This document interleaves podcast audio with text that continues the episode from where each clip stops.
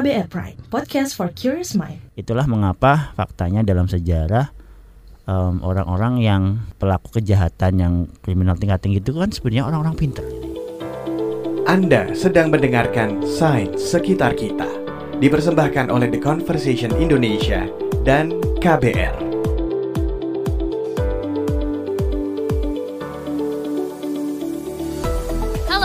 datang di podcast Sains Sekitar Kita. Saya Naomi Liandra, ditemani Lutfi Zulfikar dari The Conversation Indonesia.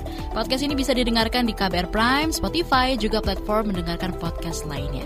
Nah, episode kali ini yang pasti bikin penasaran dan juga gergetan. Apa itu Lutfi? Halo Naomi, Hai. Eh, pada episode kali ini kita akan berkelana ke dalam otak koruptor. Wow. Wah, korupsi ya. Ini ini memang masalah yang gawat banget sih di negeri ini. Kasusnya banyak, diangkat di media, diomongin di warung kopi, terus yang ditangkap juga banyak. Tapi ya tetap aja persoalan ini memang bisa dibilang sangat menggurita. Korupsi kecil-kecilan ada banyak banget kan ya di tengah kita juga.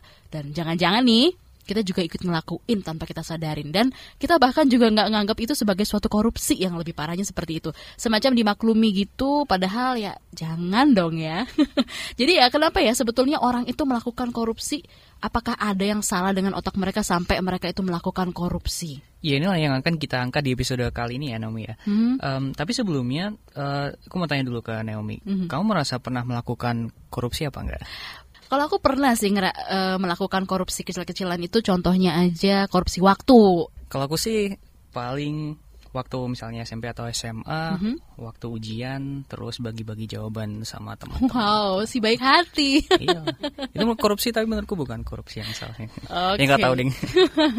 Tapi kenapa sih sebetulnya kita tuh melakukan itu padahal kita udah tahu sebenarnya itu bagian dari korupsi gitu kan. Dan kita semestinya kan sepakat ya kalau korupsi itu nggak ada yang benar alias korupsi itu jahat. Bisa dibilang kayak gitu sih. Kalau misalnya di Indonesia ya kita eh, juga bisa lihat ke sistem eh, pemerintahan, sistem politik kita kan memang di desain itu kayak banyak dalam tanda kutip kayak veto player gitu. Ada eksekutif, ada eh, parlemen, pembagiannya pun banyak, ada sistem multipartai dan lain-lain. Eh, dan justru eh, padahal itu harusnya menawarkan banyak perspektif banyak, eh, sebagai checks and balances, tapi justru di era sekarang tuh apalagi di Indonesia membuat banyak kebijakan jadi tersendat. Misalnya kayak kasus iktp atau kasus Iya. wisma atlet Eh, dan jadi atmosfer yang mudah banget untuk orang itu kayak eh, jadi harus korupsi gara-gara itu Jus- justru malah counterproduktif dari desain awalnya. Nah, riset dari tamu kita yang satu ini eh, menemukan bahwa selain masalah sistemik, korupsi itu juga banyak dipicu oleh faktor budaya. Gitu. Berdasarkan eksperimen beliau, misalnya kalau orang Indonesia itu mau diajak curang atau korupsi, itu lebih sering kalau misalnya rame-rame. Jadi dengan semangat gotong royong gitu. Sementara kalau misalnya katakanlah orang Amerika, motivasi utamanya itu adalah kompetisi. Jadi curangnya sendiri-sendiri. Oh, iya sih bener juga ya. Biasanya kalau dulu itu misalnya pas lagi sekolah gitu kan, kayak waktu itu si Luffy bilang eh contek-contekan tuh pasti kompak-kompakan dulu kan sama teman-temannya nggak mungkin mereka itu sendiri-sendiri. Iya kan? Aha. Nah di episode kali ini eh, saya sempat ngobrol dengan pe- peneliti yang tadi itu. Eh, dia peneliti Indonesia melakukan banyak penelitian tentang otak dan korupsi. Namanya adalah Dr. Galang Lutfianto.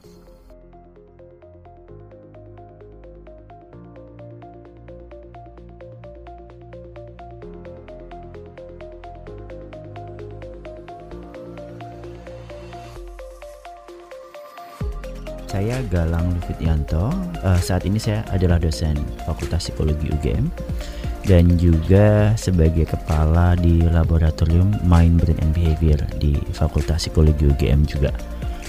Em, saya mes- apa, juga mendalami ke arah ilmu neuroscience.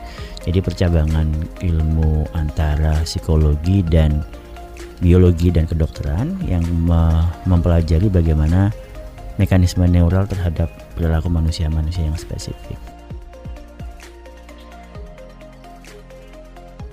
Dr. Galang ini baru aja datang ke Indonesia sekitar Februari 2020 awal tahun eh, awal tahun ini ya. Dia baru saja nyelesain tugasnya sebagai visiting scholar di program Fulbright di New York University dan juga Harvard University di bagian Department of Neurology. Tapi menurut saya yang paling menarik untuk ditanya kepada setiap peneliti itu adalah kenapa? Misalnya untuk dokter Galang nih, kenapa sih dia tuh tertarik untuk mempelajari soal perilaku manusia lewat percabangan ilmu psikologi dan biologi? Ini kan sebenarnya rumit ya. Jadi, eh, Dr. Galang ini punya satu momen khusus waktu dia masih eh, zaman-zaman kuliah ya. Kuliah satu. Mhm. Ini kayak semacam aha momennya gitu, aha momen ketika akhirnya memutuskan, oh I wanna learn about the human brain gitu. Oke, jadi em, satu hal yang membuat saya tertarik untuk mempelajari tentang otak adalah ketika saya baca sebuah ulasan, salah satunya membahas tentang salah seorang eh, seniman Leonardo da Vinci yang dia eh, apa namanya ketika menggambar lukisan The Vitruvian Man itu kan dia prosesnya adalah dia membedah eh, tubuh-tubuh eh, mayat ya dan kemudian salah satu temuannya adalah dia menemukan bahwa eh, ketika manusia dibedah itu tahun eh, abad ke-15 itu benar-benar sa- saat itu bahkan membedah tubuh eh, mayat itu nggak diperbolehkan gitu ya. Dia menemukan bahwa ternyata eh, saraf manusia itu semua berpusat pada satu organ yang hanya beratnya 3 pound dan itu adalah otak. Nah, itu yang membuat kemudian saya merasa loh, ternyata perilaku manusia yang sangat kompleks itu berpusat di otak. Udah nggak sabar nih. Jadi gimana sebetulnya isi otak para koruptor? Oke, eh, tapi bentar sebelum itu eh, supaya dapat sense lebih bagus lagi tentang risetnya Pak Galang ini, aku mau jelasin suatu konsep dulu nih yang sangat erat kaitannya dengan penelitian beliau dan budaya korupsi. Namanya adalah teori dimensi budaya atau cultural dimensions theory. Ini adalah teori yang pertama kali dicetuskan oleh psikolog sosial eh, orang Belanda dan eh, dulu orang IBM namanya Gerd Hofstede. Jadi eh, in a nutshell dalam bahasa yang sangat sederhana eh, dia itu memformal, memformulasikan eh, bagaimana budaya-budaya di dunia ini tuh bisa eh, direfleksikan dan itu berdasarkan enam dimensi kalau bahasa dia atau enam spektrum gitu. Nah, salah satunya itu adalah spektrum individualisme kolektivisme gitu. Jadi bayangin aja kayak skor dari 0 sampai 100 gitu ya.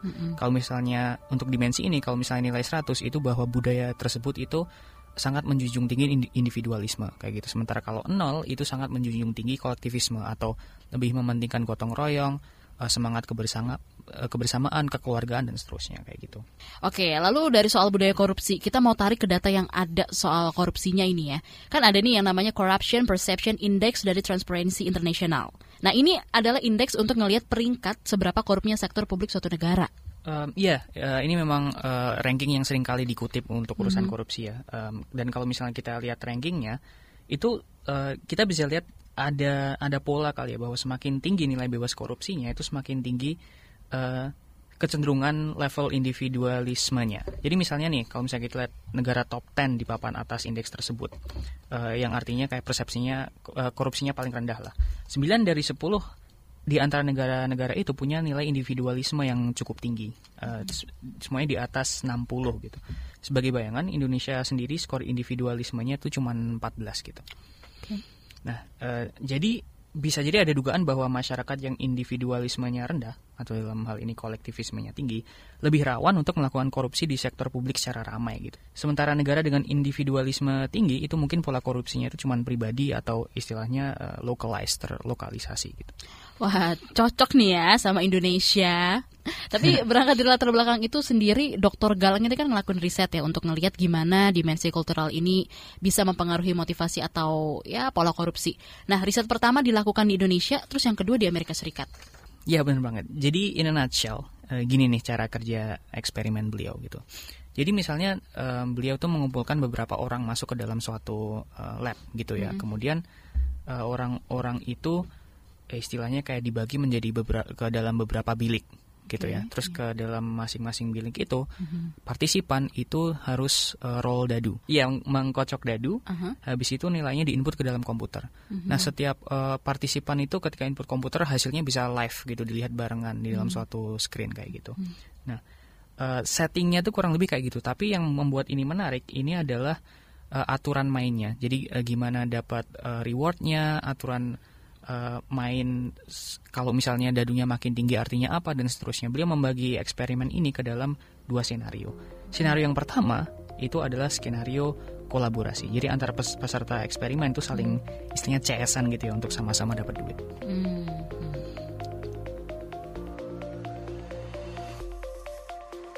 Jadi berkolaborasi bareng itu artinya adalah ketika em, apa namanya mereka mengumpulkan uang yang tinggi mereka akan dikasih masing-masing akan dikasih reward.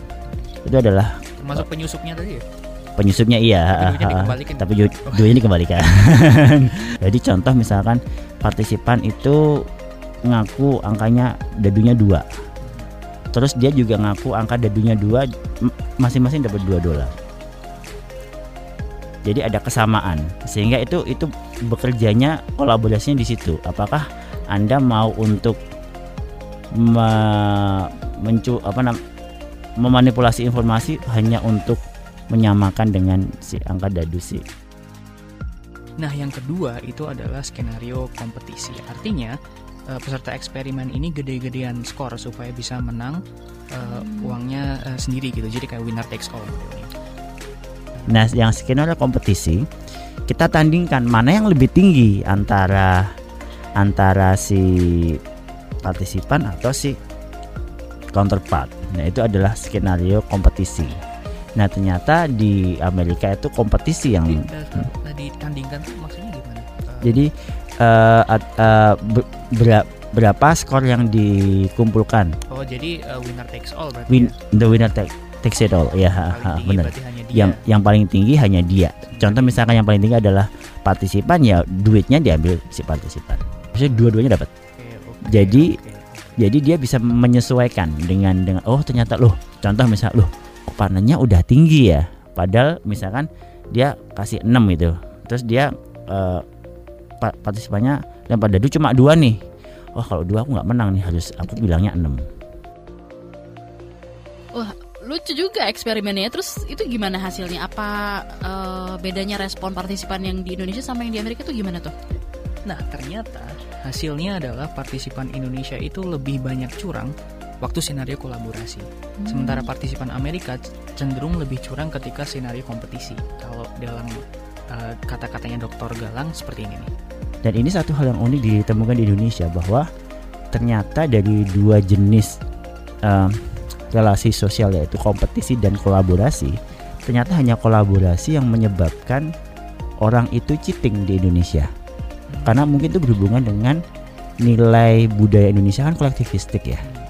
Nah, padahal literatur terdahulu menyebutkan bahwa justru kompetisi yang membuat orang itu cheating. Jadi jadi orang itu cheating bahkan itu juga cross species ya. Jadi hewan pun juga menunjukkan kecurangan ketika dia harus berkompetisi dengan teman-temannya misalkan berebut makanan, berebut teritori, itu kan kompetisi.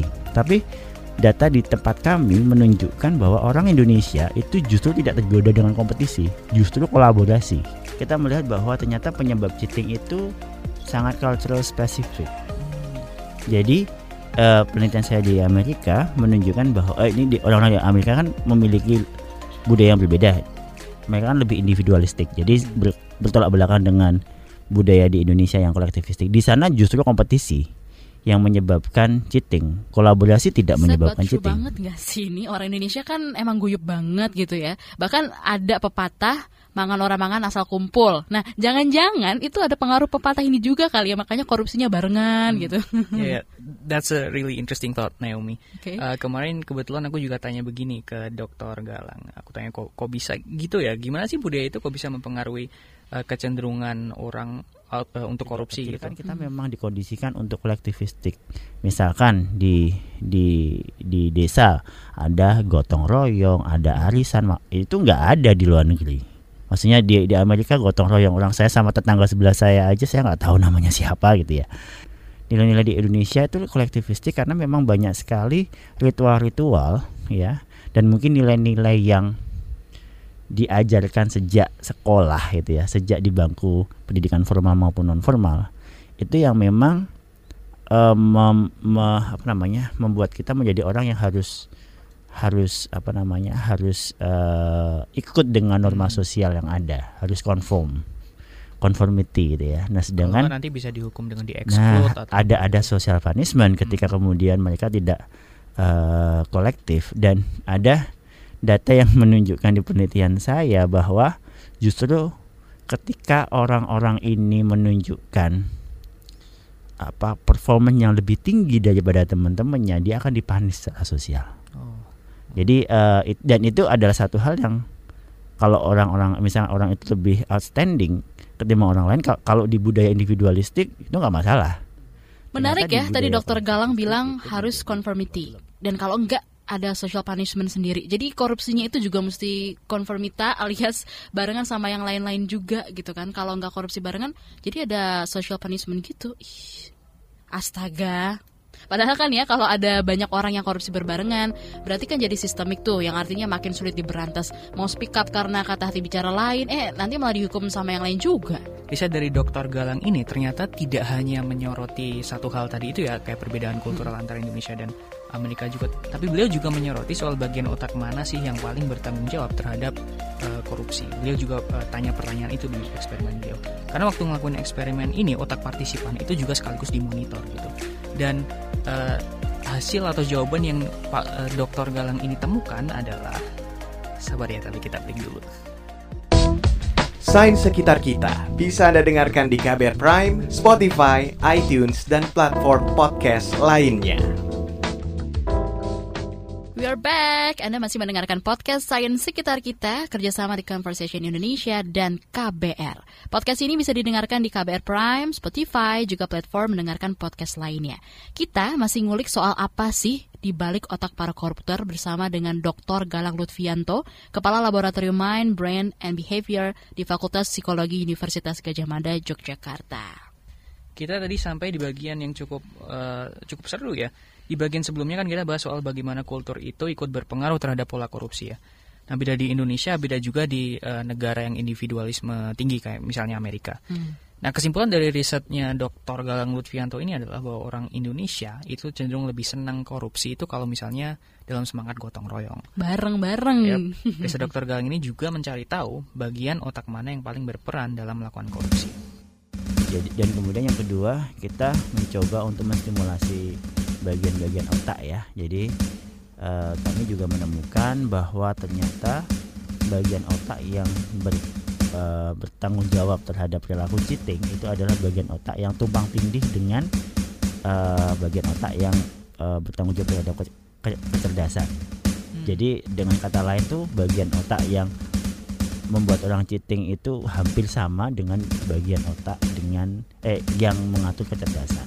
Jadi bagian otak yang di, de- yang yang distimulasi adalah dorsolateral prefrontal cortex. Jadi prefrontal cortex itu bagian berpikir manusia. Lalu eh, semakin cerdas seseorang berarti semakin berpotensi korupsi gitu ya? Well, um, interpretasinya Dr. Galang seperti itu sih. So ya, yeah, ada kecenderungan bahwa perilaku korupsi itu berkorelasi dengan uh, tingkat kecerdasan yang tinggi gitu. No.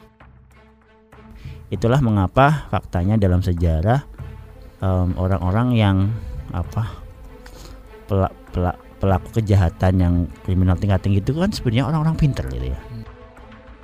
Kita kan tahu juga nih kalau ada otak kanan dan otak kiri ya. Otak kanan Hmm. lebih banyak uh, soal Kreativitas. kreativitas, Ya. sementara otak kiri soal uh, kecerdasan, systemic and logical thinking gitu. Nah, Mhm. Jadi kalau misalnya orang curang itu atau melakukan korupsi, berarti itu menurut Naomi termasuk kreativitas tinggi atau logical thinking yang tinggi ya? Eh, logical tingkat tingginya yang pertama, yang kedua baru kecer- kreativitas. Nah, karena kecurangan itu kan juga bisa hasil dari proses berpikir bebas yang sangat sistematis sehingga Hmm. kecurangannya tidak eh, terungkap gitu. Nah ini nih yang akan diteliti selanjutnya oleh Dr. Galang gitu kayak bagian mana dari eh, dorsolateral prefrontal cortex itu yang eh, yang bisa pembagian kanan dan kirinya itu yang yang lebih berpengaruh. Ini cukup eh, riset yang akan cukup menarik di masa depan ini.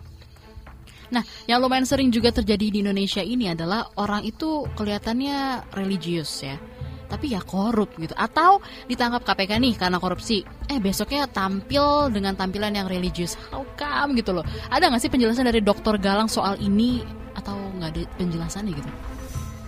Mungkin contoh ya, mungkin contoh di sini adalah yang sudah ke kami rancang adalah tadi. Jadi dia di eh, dia dan di- dia dipasangkan dengan dengan eh, Counterpart. counterpart yang cheating. Nah, tapi nanti kemudian em, peserta eh, partisipan itu akan diberikan keluasaan untuk oke sekarang kamu dikasih duit nih, kamu bagi deh duitmu, kamu dapat berapa, partnermu dapat berapa. Kemudian perasaanmu gimana? Itu bisa dilakukan uji coba lebih lanjut lagi untuk melihat sebenarnya ada aspek emosional apa di situ. Nah itu nanti akan uh, religiusitas juga akan lari di di, di area Tapi ini uh, topik riset yang terbuka lebar ya. Kami sangat mengundang siapa pun juga untuk berkolaborasi. Oke.